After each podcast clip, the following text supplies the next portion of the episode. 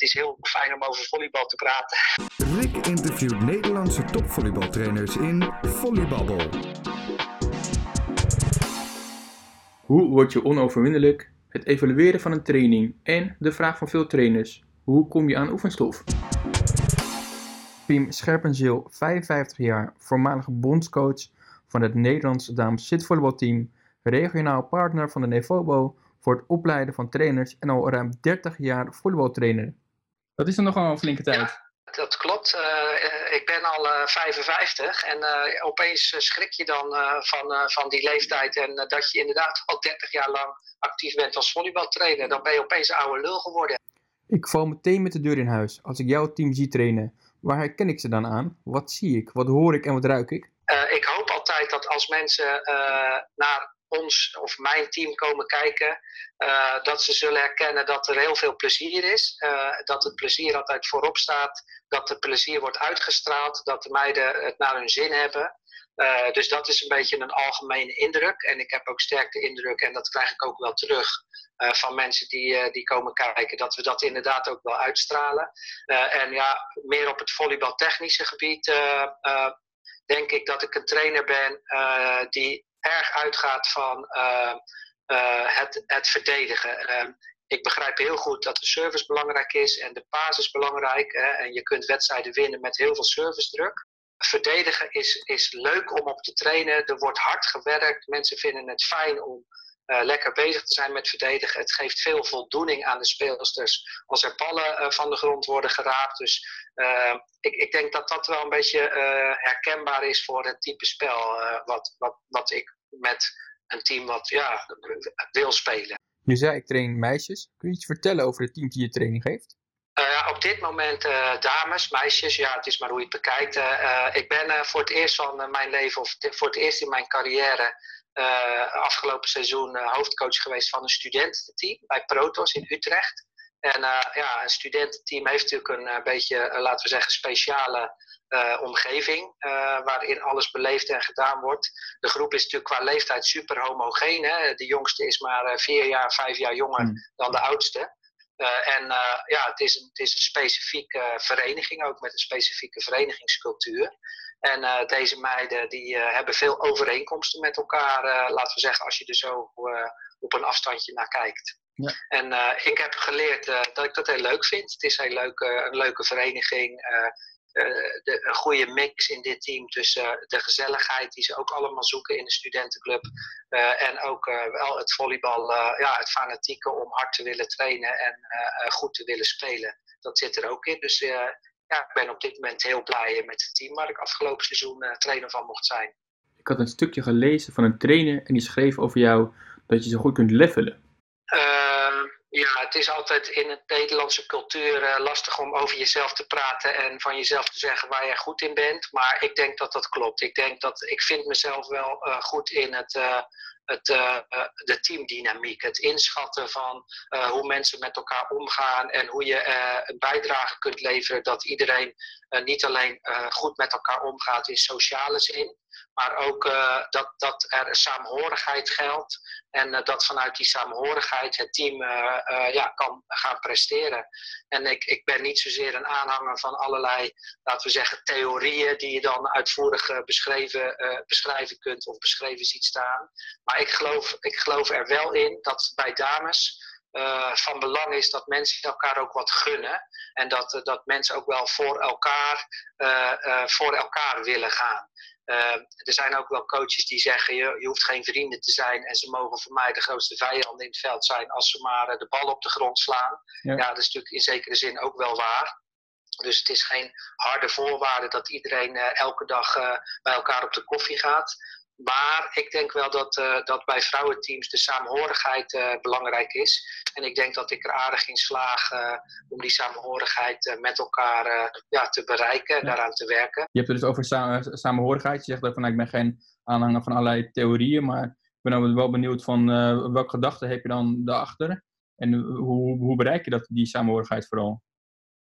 Ja, ja, de gedachte die er dus achter zit, denk ik, is dat uh, ik geloof erin dat het, uh, dat het, dat het uh, fijner is om met elkaar te presteren en met elkaar goed te willen spelen als men elkaar ook iets gunt. En dat is makkelijker, dat gunnen, als, als men elkaar een beetje aardig vindt. Ja, je, hoeft, je hoeft niet wat ik net zei, spreekwoordelijk elke dag bij elkaar op de koffie te gaan. Maar ik denk dat het belangrijk is dat mensen elkaar wel een beetje mogen. Ik denk niet dat het in een vrouwenteam heel goed zou werken, althans in mijn ervaring, als mensen bij wijze van spreken elkaar uh, niet kunnen luchten of zien.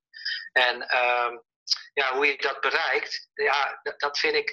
Ik denk dat ik ook ehm, het beste rendeer bij een team wat ik al een tijdje ken en wat mij al een tijdje kent. Dus ik kan dat niet zo heel goed uitleggen. Het groeit een beetje. Ik, ik denk dat ik enig gevoel ontwikkel door mensen een beetje te leren kennen. Uh, ja, hoe je ze dan het beste kunt benaderen. Uh, hoe iemand, uh, nou ja, ook een beetje een cliché, maar de een heeft een keer een Hmm. Over de bol. En de ander heeft een keer uh, misschien een spreekwoordelijke, geen echte uh, schop onder de kont nodig. En ik denk dat ik er aardig in slaag om een beetje in te schatten wat een ieder nodig heeft. En dat, dat, ik geloof niet dat dat heel erg bij mij ontwikkeld is door, door daar heel erg op te studeren. Maar dat, dat zit kennelijk gewoon in mij, in mijn rol als volleybaltrainer. Dat, dat ik dat een soort aanvoel en, en daar iets mee kan. Maar het is wel zo dat ik op een bewust niveau daarmee werk. Dus uh, een heel concreet voorbeeld is. Uh, ja, de, de, wij, wij beginnen echt elke training met een aantal vragen.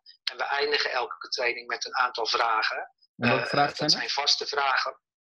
aan het begin van de training vraag ik ja, of, of, of, er iets speelt, of er iets is wat ze, wat ze willen delen. Hè, mhm. waarmee ze, met welk gevoel ze eigenlijk naar de training komen. En dat is eigenlijk dan een beetje bedoeld om de gelegenheid te geven. Nou ja, bij studenten is dat voor de hand liggende. Maar als je bijvoorbeeld smiddags een tentamen hebt gehad. En je hebt daar uh, heel hard uh, een paar weken en nachten voor zitten studeren. En uh, je hebt het tentamen smiddags zitten verkloten. Ja, dan, dan kom je met een ander gevoel naar de training. Ja. dus ja, dat, dat is een voorbeeldje. Maar er kunnen in het persoonlijk leven van mensen dingen zijn. Waardoor ze met een bepaald gevoel naar de training komen. En die eerste vraag geeft dan de gelegenheid om daar iets over te zeggen als ze dat willen delen met het team. En uh, ik hoop dat dat dan zo is. En de tweede vraag heeft dan meer te maken met, uh, nou ja, kun je uh, alles doen wat er vandaag van je verwacht wordt? Hè? Dus dat kan bijvoorbeeld zijn dat iemand een blessure heeft en wel kan pasen, maar niet kan aanvallen. Of uh, mm. dat iemand zich niet helemaal lekker voelt en misschien wat minder hard uh, kan werken, maar wel een deel van de training mee kan maken. Dat willen we dan graag weten. Ja. Maar er kunnen ook dingen zijn die, die storend werken op de training. Dus dat, dat kan bij, bij vraag 2 kan dat dan worden ingebracht. En de derde vraag is, ik vraag eigenlijk aan het begin van de training aan iedereen om één specifiek punt voor zichzelf te benoemen waar ze dan uh, hun aandacht tijdens de training op vestigen. En waarbij wij ook als trainers uh, en ook de spelers zelf elkaar onderling kunnen helpen bij, bij dat ene uh, focuspunt. Okay. Dus dat zijn de standaardvragen aan het begin van de training. En daarmee beogen we eigenlijk dat ze wat meer gefocust de dingen kunnen gaan aanvliegen die we in de training doen. En dat ze datgene wat overdag speelt in de thuissituatie, dat ze dat achter zich kunnen laten. Ja, en dan ga je echt gewoon in, dan heb je, sta je gewoon in de cirkel zie ik het dan voor me en dan ga je even iedereen af. Ja, ja letterlijk. En uh, er zijn een paar regeltjes. Hè. Eh, de makkelijkste regel is, uh, de kortste regel is, uh, hou je antwoord kort. Het is niet de bedoeling om hele doopzelen te gaan lichten. Ja. Maar gewoon even kort elkaar inlichten en bijpraten van hoe gaat het met je en hoe sta je hier vanavond. En kunnen we op je rekenen dat je in de training de dingen kunt doen die we van je vragen. Ja. Je zei van we houden het kort. Welke andere regels hanteer je daarbij? Nou ja, dat focuspunt, hè, de, de, vraag drie, het zou eigenlijk mooi zijn, daar streven we naar, dat je dan aan het eind van de training stellen we ook weer drie vragen. Dat ze dan aan het eind van de training uh, uh, dat focuspunt weer een beetje terug laten komen. Dus dat ze kunnen aangeven of het nou gelukt is om daaraan te werken. En zo ja, wat er goed aan was en waarom dat gelukt is. En zo nee, wat ook kan. Uh, of er, uh, ja, wat er beter kan om dat de volgende keer wel te, te kunnen doen. Hè, dus de, de, de, drie eindvragen zijn altijd uh, wat ging er goed, wat kon er beter. En met welk gevoel ga je naar huis. En dan is er ook een regel dat als je iets wilt zeggen over een andere speelster, dat je dat, als dat dan gezegd is en het gaat over een speelster wat beter kon, dat het dan niet herhaald wordt. Als okay. dat één keer gezegd is, dan is dat duidelijk. Ja. Een heel mooi voorbeeld vind ik zelf, daar vind ik als trainer ook uh, van belang. Daar kan ik zelf iets mee. Soms kan het wel eens in oefenstof zitten, hè, dat iemand niet helemaal lekker getraind heeft, omdat misschien de volgorde van de oefeningen niet fijn was, of omdat er een bepaalde oefening bij zat uh, ja, die niet lekker liep. Mhm. En ik vind ook waardevolle informatie als speels dat aan het eind van de training dan zegt, van, nou, ik vond het op dat moment in de training niet lekker lopen om die en die reden, dat komt beter. Dan kan ik daar ook weer wat mee. Ja. Maar dat hoeft niet vijf keer herhaald te worden. En dus in het uitzonderlijke geval dat vijf mensen dat alle vijf vinden, dan hoeven ze dat niet alle vijf te zeggen. Want als, ik het, als je het één keer weet, dan weet je het ook wel. En dan moet je, kan je iets anders zeggen of je zegt niks. Dat is ook goed. Dat is dan met uh, verbeterpunten, is dat zo? En met uh, dingen die goed gaan, mogen die wel herhaald worden?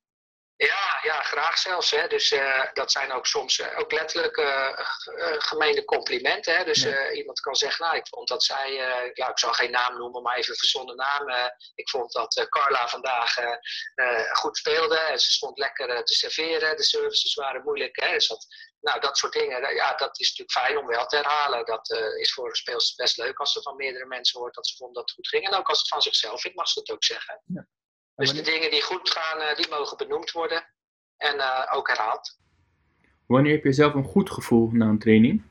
Ik heb een goed gevoel aan het einde van de training als uh, in die vragenronde blijkt dat iedereen heeft kunnen werken aan het punt wat ze aan het begin van de training zelf hadden genoemd, waar ze aan zouden willen werken. En dat is best een uitdaging. Het klinkt makkelijker dan het is, vind ik. En daar vind ik echt dat trainen een vak wordt. Want uh, uh, ik eh, vind dat wel heel moeilijk. Ik, het is, ik denk dat het echt moeilijk is om, een, om elke, keer, elke keer scherp te zijn in het geven van je trainingen. Waardoor aan het eind iedereen een soort bevredigd is op haar, op haar eigen focus. En dat, soms, ja, ik slaag daar ook lang niet altijd in hoor. Er zijn ook echt trainingen dat ik zelf ontevreden ben. Dan valt het in die, in die vragenronde, in die, in die, valt het eigenlijk nog mee. Hè? Dan hebben mhm. mensen bijvoorbeeld lekker getraind omdat het heel intensief was. Maar ja, weet je, als een training alleen maar intensief is, ja, dan, dan ben ik niet per definitie tevreden. dus uh, ik ben tevreden als, als, als er echt. Uh, uit die, uit die vragen blijkt, uit het laatste rondje, dat iedereen met een goed gevoel naar huis gaat, omdat er gewerkt is aan, een, aan het focuspunt waar ze zelf graag aan wilden werken. Maar ik kan me zo voorstellen als ze dan aan het begin van de training zo'n rondje maken, de een roept uh, verdedigen, de ander roept aanvallen, de ander roept blokkeren, weer eentje roept serveren. Hoe krijg je dat voor elkaar? Ja, nou ja, dat is, dat is precies, dan leg je de vinger op de zere plek. Als dat, als dat gebeurt, dan is het een uitdaging om daar uh, op die manier aan te, bij te dragen. Maar ja, we proberen wel in elke training alles te doen. Dus het, het, is theoretisch mogelijk dat, dat iedereen iets heel anders noemt. Maar we helpen er wel een beetje bij. Dus als ik, uh, voordat, we de derde vraag, voordat ik de derde vraag stel van de, van de start, hè, dus aan het begin van de training, dan vertel ik eerst even wat we vandaag gaan doen. En waar, waar mijn accent ligt in de training. dus stel, uh, ik zeg uh, aan het begin van de training heb ik vraag 1 gesteld en vraag 2 hebben we de twee rondjes gedaan. Dan is het bij het derde rondje zeg ik nou, ik heb vandaag voorbereid om te gaan behandelen, noem maar wat, de service. Ja. En het accent ligt vandaag bij de service op het uh, gericht serveren. Nou ja, dan zal er uiteraard, er wordt ook gepaast en er wordt ook gesetupt en er wordt ook aangevallen en er wordt ook verdedigd. Hmm. Maar dan ligt ook het aandachtspunt voor die training vooral bij het serveren. En dan, dan zullen de meesten toch een aandachtspunt kiezen wat ook in die service ligt. En dat is lang niet altijd zo. Hè. Bijvoorbeeld de libero per definitie al niet. Maar die kan dan een daaraan gerelateerd uh, aandachtspunt eruit pikken. En dat is, dat is uh, hun keuze, hun eigen keuze waar ze aan willen werken. En het is niet verboden om dan te zeggen van nou, mijn aandacht ligt vandaag bij, uh, bij de blokkering. Maar dan zal er wat minder in de blokkering, dus in, eh, wat, wat minder tijd aan de blokkering worden besteed dan in, uh, dan in de training, waarin uiteraard ons accent, het blok, is uh, benoemd. Nee, en ik zeg steeds ons, want wij werken op dit moment ook met z'n tweeën. Ik ben niet alleen bij het team verantwoordelijk op dit moment. En als je dan zo'n zo'n kringgesprek hebt gehad en dan noemen spelers noemen een aantal zaken op, Pas je dan ook nog je, je training aan of hou je je wel gewoon vast aan een plan? Uh, van uh, allebei een beetje. Ik denk dat je, dat is denk ik ervaring. Mhm. als je langer training, trainer bent, dan denk ik dat je in staat bent, en misschien goede beginnende trainers ook hoor, maar ik denk, bij mij is het in ieder geval het door de jaren heen gevulde rugzakje, waarin een heleboel oefenstof zit.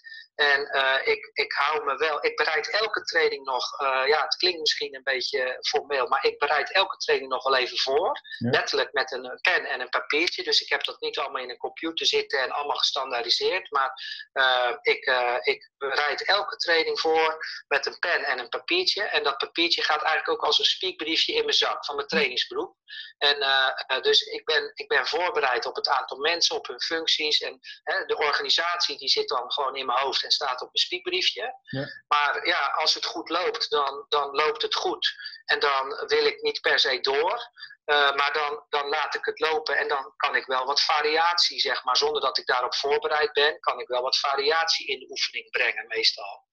Uh, en uh, ik vind eigenlijk ook, ik ben natuurlijk ook trainersopleider en dat is een tip die ik ook aan beginnende trainers altijd geef. Als iets goed loopt, niet te veel veranderen. Gewoon Hmm. lekker laten lopen. Dan, hè, dan, dan zul je ook aan het eind merken dat iedereen zegt, nou, ik vond het wel een fijne training, want het loopt lekker. Ik heb ooit eh, Jan Berends eh, geïnterviewd voor Polytechno. En die zei eigenlijk van ja, als een eh, training lekker loopt, dan zit iedereen een beetje in zijn comfortzone. En dan eh denken iedereen, ja, we hebben lekker getraind. Maar nu had hij zoiets van, dan heb ik eigenlijk helemaal niet lekker getraind. Want ja, je moet ook juist buiten die comfortzone eh, trainen. Hoe, hoe, hoe zie jij dat? Ja, daar heeft hij natuurlijk hartstikke gelijk in. Eh, want trainen doe je op de grens van wat, je, wat lekker is en wat, nog net, wat je nog net even niet kan. Maar kijk, eh, ik denk dat het, dat het bijna nooit zo is dat je twee uur lang, hè, wij trainen twee keer twee Mhm. uur, dat je die volledige periode dat, dat, dat doet. Want ja, uiteindelijk doe je verschillende dingen in die training. En als een oefening lekker loopt, laat je hem wel wat langer lopen. Maar je laat hem niet de volledige, laten we zeggen, na de warming-up, je laat hem niet de volledige anderhalf uur lopen. En dan kom je weer terug op, op dat focuspunt en dat aandachtspunt. Kijk, als ik een training voorbereid heb om te werken aan het verbeteren van de service. En eh, de eerste oefening eh, is lekker in de warming-up aan het draaien. Ja, ik ga toch uiteindelijk toch wel naar mijn service toe. Ja. Maar eh, je, ik kan daar wel dan langer mee doorgaan dan ik van oorsprong thuis achter mijn bureautje bedacht had. Je zei zojuist Ja. ook van, ik heb eh, de afgelopen jaren heb ik een soort van eh, rugtas gevuld met allerlei oefeningen. Ik kan me ook stel nou dat je eh 30 jaar terug in de tijd kon gaan en je kon jezelf nog een tip geven als trainer. Wat zou je dan jezelf, wat zou je toen al graag in die rugzak willen hebben? Ja, het, het spel is ook veranderd. En eh, het is per definitie zo dat, dat eh, hoe, hoe meer je in een onderwerp duikt, hè, Mhm. hoe, hoe meer je erachter komt, hoe weinig je weet. Ja. Dus eh, de, de, hoe dieper je in de materie duikt, hoe meer je erachter komt dat ik het vijf jaar geleden, tien jaar geleden, twintig jaar geleden allemaal fout deed. En daar kan je misschien nu niet zo heel veel mee, want het is niet een heel concreet antwoord. Maar eigenlijk alles wat ik nu weet en alles wat ik nu doe, deed ik twintig jaar geleden anders. En eh, daarmee zeg ik niet dat ik het allemaal fout deed, want het was met de kennis van toen en de ervaring van toen, Hmm. was ik ook gemotiveerd om het goed te doen. Ja. En had ik toen ook het idee dat ik het goed deed. Maar ja, ik, inmiddels door ervaring ga je wel een aantal dingen ver, eh, ja, dat ben je niet zo bewust, maar je, je, je gaat wel anders naar dingen kijken. En dan, dan gaat het meer om de vraag, denk ik, zoals ik hem interpreteer, van ja, begin, wel, welke fouten kun je beginnende trainers helpen te vermijden? Ja. Dat, eh, Als je hem zo Ja. beantwoordt? wat ik veel zie in de opleidingen bij beginnende trainers, hè, mensen die op VT2-niveau de opleiding volgen en dan eh, hopelijk hun eh, PVB's afronden, dat is dat heel veel mensen denken in oefenstof. Dus Ja.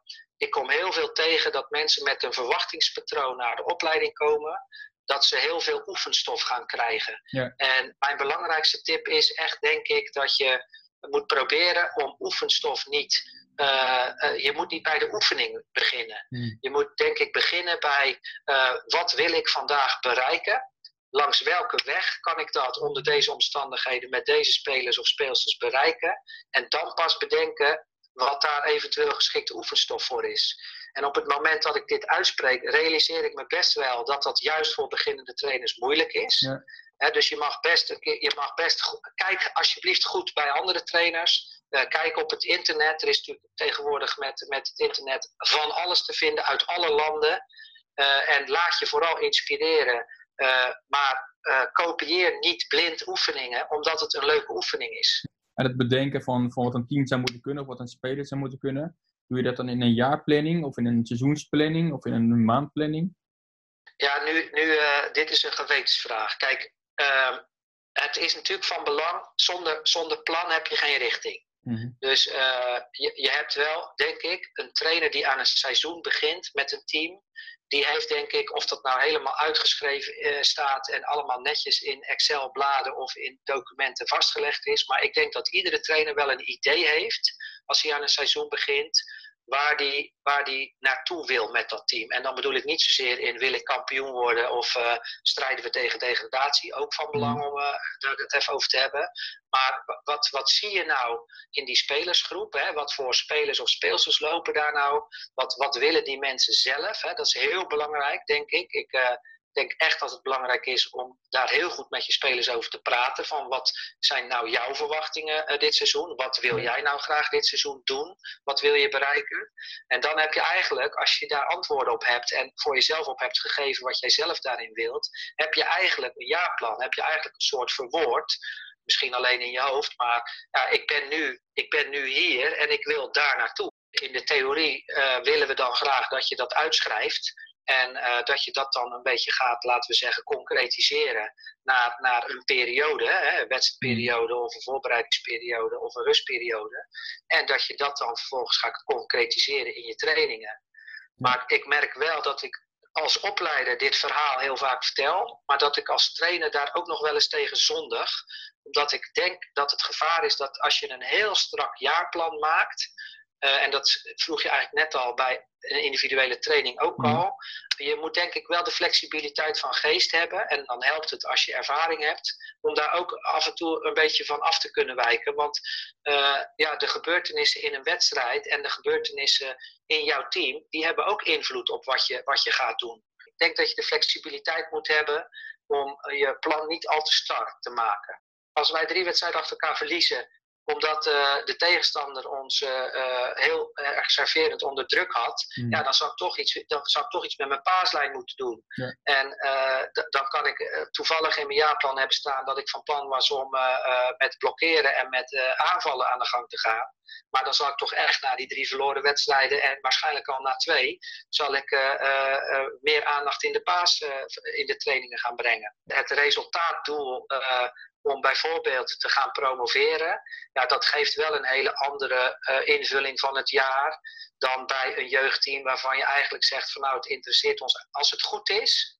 Uh, en ik weet, soms is de werkelijkheid wel een beetje anders, maar als het goed is, zou je met een jeugdteam niet bezig moeten zijn met kampioen worden. Want ja, weet je, dan schrijf je gewoon op een ander niveau in en dan ben je er ook. Ja. Maar uh, als het goed is, ben je met jeugd eigenlijk meer bezig met meer individueel uh, uh, zorgen dat mensen uh, geholpen worden een betere volleyballer te worden. En ja, nou ja, zoals afgelopen seizoen met Protos Dames 1, ja, wij wilden heel erg graag promoveren. En wij hebben dus aan het begin van het seizoen met elkaar uitgesproken. Wij gaan spelen om het kampioenschap. En dan ben je eerlijk gezegd toch iets minder, of helemaal, ja, ja wel, wel iets, maar minder bezig met individuele doorontwikkeling van volleybalsters. Dan is het gewoon ja, voor de winst trainen om, om te winnen trainen om te spelen en spelen om te winnen. Ja. En ook als coach moet je dan hele andere beslissingen uh, nemen. Ja, ja, ja. Ja, ik, ja, weet je, het begint met bijvoorbeeld wisselbeleid. Ik denk, ik denk dat je. Uh, ik, het, is, het is makkelijker om geen kampioen te willen worden, ja. vind ik als coach. Kampioen worden is, vraagt wel een andere insteek van het seizoen, ja. Als in de coaching, in de wedstrijden. In de trainingen, uh, ja, misschien niet, wat minder of niet, maar in de wedstrijden zeker. Dus in de rol als coach is het echt anders, ja, vind ik. Ik keek vandaag nog een stukje van de troostfinale van uh, 2017, het EK zitvolleybal van het Nederlands damesteam. Uh, en jullie, jullie, wonnen die wedstrijd. En jij loopt uiteindelijk loop je vrij rustig, vond ik, het veld op. 2017, Slovenië. En dat was tegen Finland. Ja. Uh, ehm, 3-0 overwinning. Ja. ja. Toch een spannende laatste set. Volgens mij was het 25-23 uit mijn hoofd. En uh, oh, wat leuk dat je dat gekeken hebt. Jullie winnen ja. en ik, ik zie jou het veld oplopen. Het gaat toch, ja, ik denk, uh, die, uh, die juicht helemaal de hele zaal bij elkaar, maar... ja. ja, dat moet ik heel, ja, dat moet ik heel eerlijk zijn. Kijk, wij speelden in die periode niet om brons. Oké. Dus uh, ik ben, natuurlijk ben je blij met brons. Ik bedoel, zeker als je de halve finale verloren hebt, dan wil je toch graag uh, nog met de prijs naar huis. Ja. Maar uh, nou, wij waren op dat moment echt wel aan, het, aan het spelen om, om de eerste plek. En misschien dat het daar een beetje mee te maken heeft. En overigens, wat ik, als ik het nu zo probeer terug te halen. ik heb eigenlijk in die wedstrijd, ondanks dat, je, dat, dat het ook wel spannend was in ik dacht de tweede, ik denk dat de tweede set ook heel close was. Klopt dat? Ja, volgens mij wel. Van de drie? Ja. Ja. ja. Ik heb eigenlijk, ik herinner me van die wedstrijd dat ik eigenlijk op dat moment vertrouwen had dat we hem gingen winnen. Dus uh, ik, heb, ik ben niet uh, heel nerveus geweest, zo van uh, shit, als we, hè, ik, ik, ik heb echt vertrouwen gehad, deze wedstrijd die is voor ons die vraag die jij net stelde over 30 jaar geleden, als er nou iets veranderd is in mijn aanpak, dan is het, ik ben als coach wel een stuk rustiger geworden. En dan zal iedereen zeggen, ja, dat komt met de wijsheid, komt met de jaren. En iedereen wordt met het ouder worden misschien wat, wat rustiger. Ja. Maar uh, ik heb als coach, ik ben als coach echt rustiger geworden. Ik heb uh, die opgewonden, heel enkel keertje komt het nog wel eens voor hoor. Ik kan nog wel eens een keer uit mijn plaat gaan bij een wedstrijd. Maar ik, ik ben wel rustiger geworden, ja. ja. Ik heb dus ook een clinic voor jou meegemaakt als, als trainer. Daar vond ik heel veel energie uitstralen. Hele grote betrokkenheid. Natuurlijk in het, ja, ik, uh, goed, ik zag dan maar een beetje vanaf de zijlijn coachen. Ik denk, ja, dat staat wel bijna een andere persoonlijkheid. Wat ik graag zou willen, hè, en dat is ook weer moeilijk om dat te bereiken, vind ik. Hè. Ik betrap mezelf er dan na een wedstrijd wel eens op dat ik ook denk van, goh, dat had toch ook wel weer beter gekund. Maar wat ik graag zou willen, dat is dat mijn energie wordt ingezet op het moment dat het nodig is. Ja. En dat mijn energie niet, uh, als het niet nodig is, dat ik hem ook uh, probeer uh, in te houden. Dus even concreet gemaakt, hè, als ik denk, nu heeft het team het nodig om, hè, er, moet een beetje, er moet energie bij. Dan ga ik wat wilder doen, heel bewust. Hè. Dan ga ik wat letterlijk meer bewegen, wat meer roepen, wat meer schreeuwen. En eh, eh, als het eh, eh, goed gaat, hè, als het team gewoon lekker aan het volleyballen is en alles loopt, dan, eh, dan, dan, doe ik, dan ben ik rustig. En de kunst is, juist als, het, als een team onrustig wordt, dit is wel een beetje mijn ervaring. Elke coach zal dat herkennen en elke speler zal het herkennen. In volleybal kan het zomaar omslaan. Je Ja. kunt vijf, zes punten eh eh voorstaan en opeens staat het weer gelijk. En dan weten we allemaal, dan komt zo'n paaser onder druk te staan. En misschien denkt de paaser wel eens stiekem van, oh jee, als er nu maar niet op mij wordt geserveerd. Mm.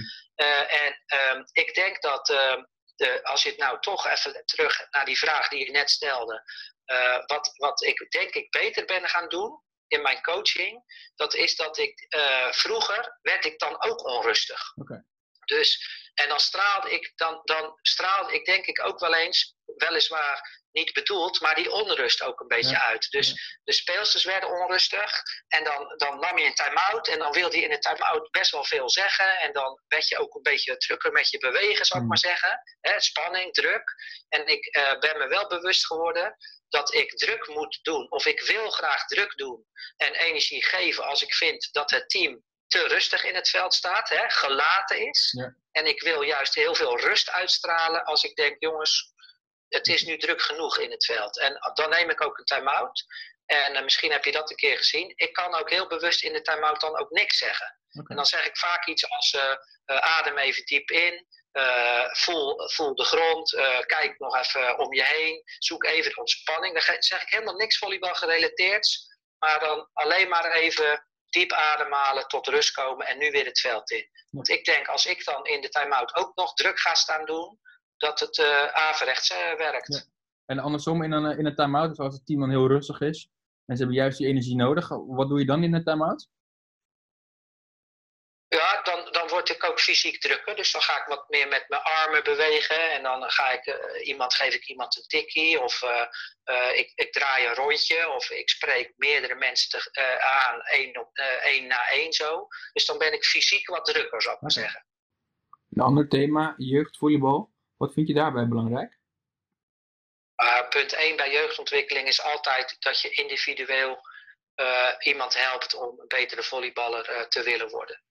dus ehm, ja, je, je, staat denk ik als trainer dan echt in het, in het je handelen staat in het teken van, van de ontwikkeling van die, die jeugdspeler. Ja. En wat ik dan weer heel leuk vind, en ook dat is misschien een beetje door de leeftijd beïnvloed, maar dan, dan heb je in, op mijn leeftijd al ook een klein beetje een, vader, een vaderlijke uitstraling, zal ik maar zeggen. Mm. Uh, dat is dat je niet alleen iemand helpt ontwikkelen als volleyballer, maar dat je ook een soort bijdrage levert, net als een docent in het onderwijs. Ja. Dat je ook een soort aan het, aan, een heel klein stukje hoor, niks te veel eer, maar een heel klein stukje aan het opvoeden bent. En uh, uh, ik denk dat dat wel een belangrijke taak is die nog wel eens wordt onderschat. Je vertelde eerder hoe belangrijk je verdedigen vindt. Hoe train je dat?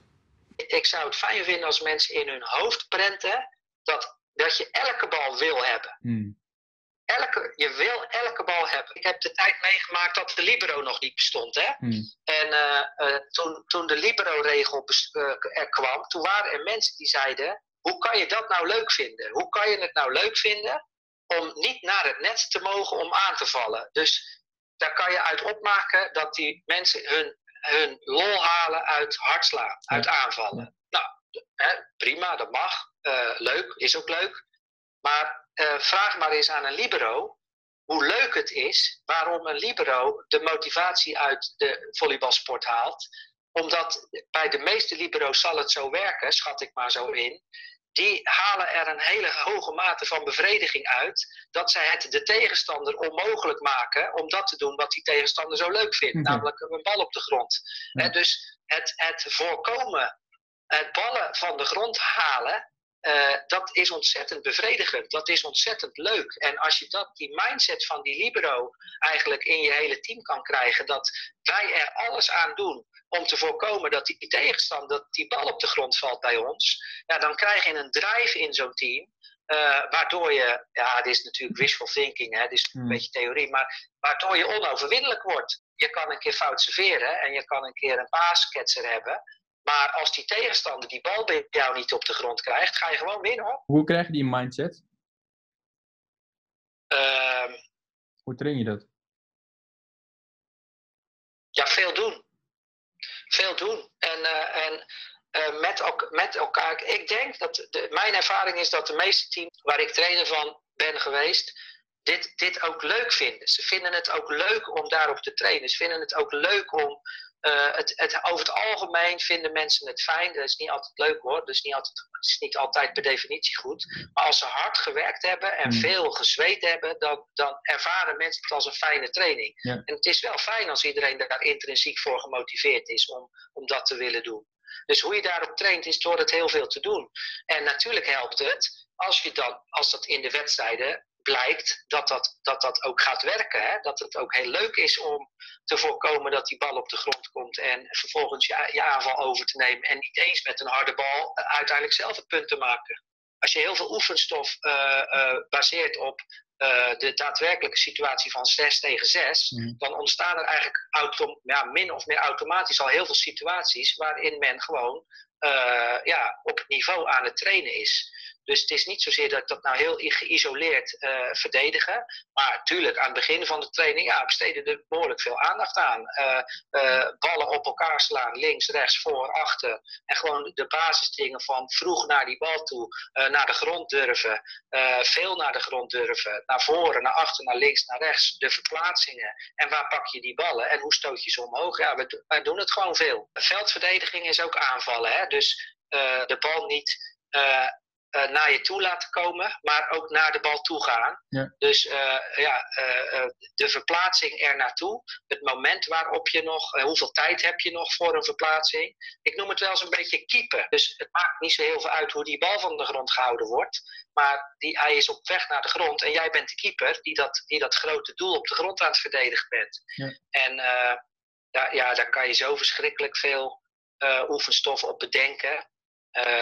Zolang mensen maar eh, naar die bal toe gaan om te voorkomen dat hij van de grond dat hij op de grond komt. In het algemeen is dynamiek belangrijk. Hè? Dus eh, dynamische oefenstof is ook een beetje een open deur natuurlijk, maar probeer te vermijden dat mensen stilstaan. Letterlijk in een rijtje op een beurt wachten, dat is natuurlijk uit den boze.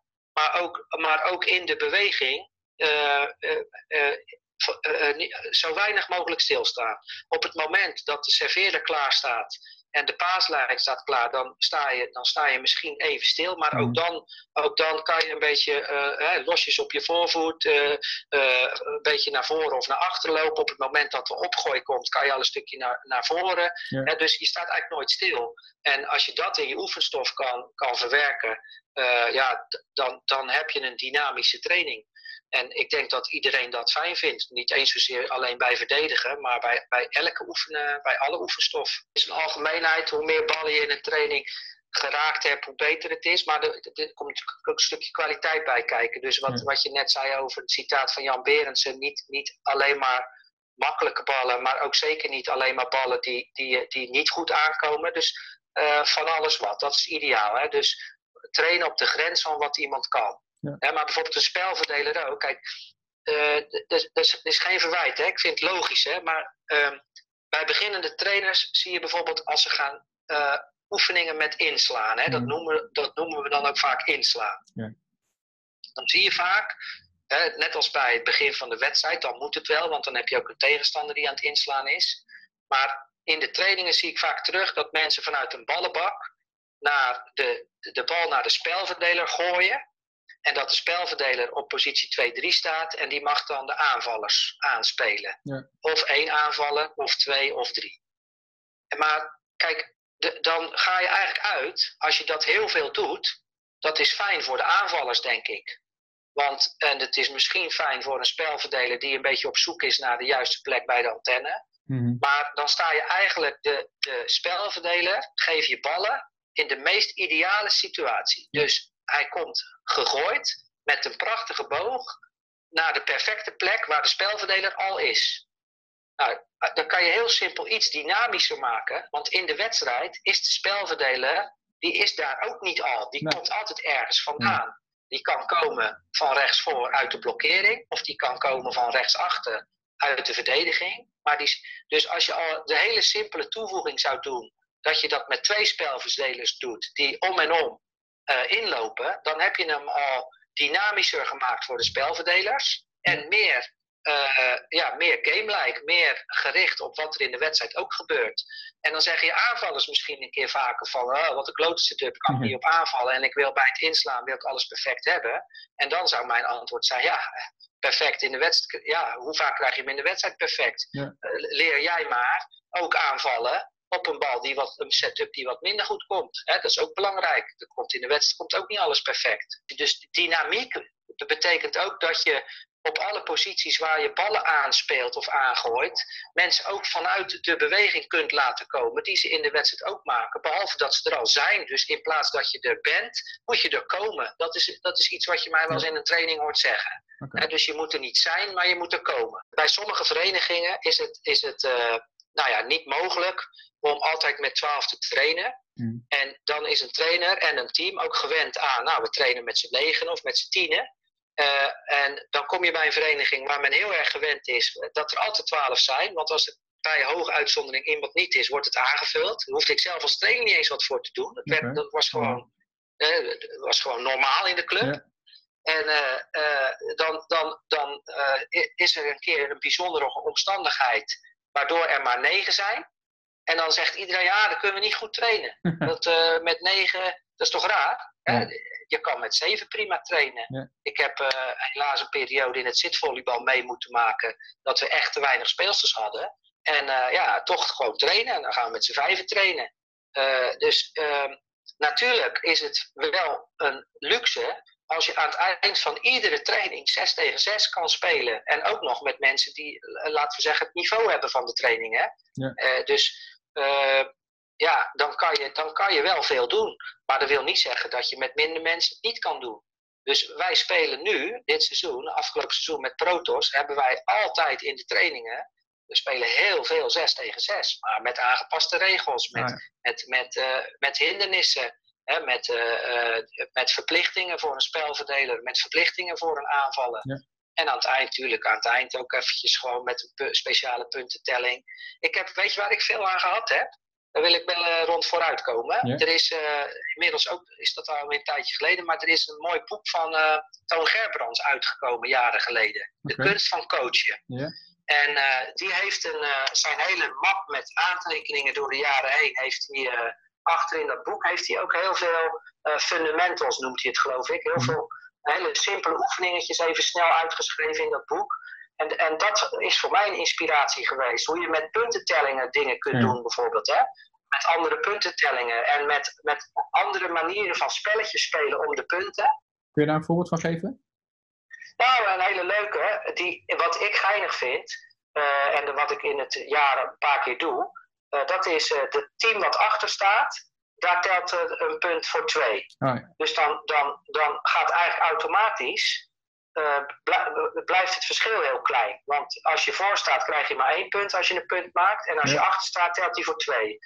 Nou, dan, dan speel je eigenlijk altijd om de big points. Ja. Want een voorsprong, eh, met, een, met een voorsprong, die kan je zo weer kwijt zijn. En een achterstand kan je relatief makkelijk weer inhalen. Dus je moet continu, moet je, daar, moet je scherp zijn. Je kan je niks veroorloven. Hè, want je kan nu vijf punten voor staan. Maar ja, als zij er twee maken, dan sta je er Dus- nog maar één voor. ja. En maken ze er drie, sta je er weer achter.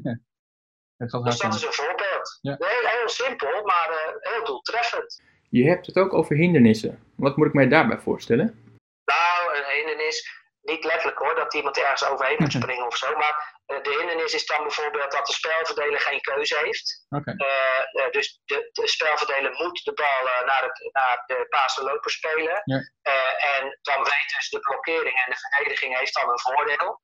Dus dat bedoel ik met hindernissen. Dus bepaalde opdrachten. Of de eerste aanval van, van de paas en loper moet rechtdoor. Omdat ik dan ook, dan wil ik ook de verplaatsing naar de rechtdoor wil ik dan zien. Weet je wel. Dus specifieke opdrachten binnen het spelletje. Ja.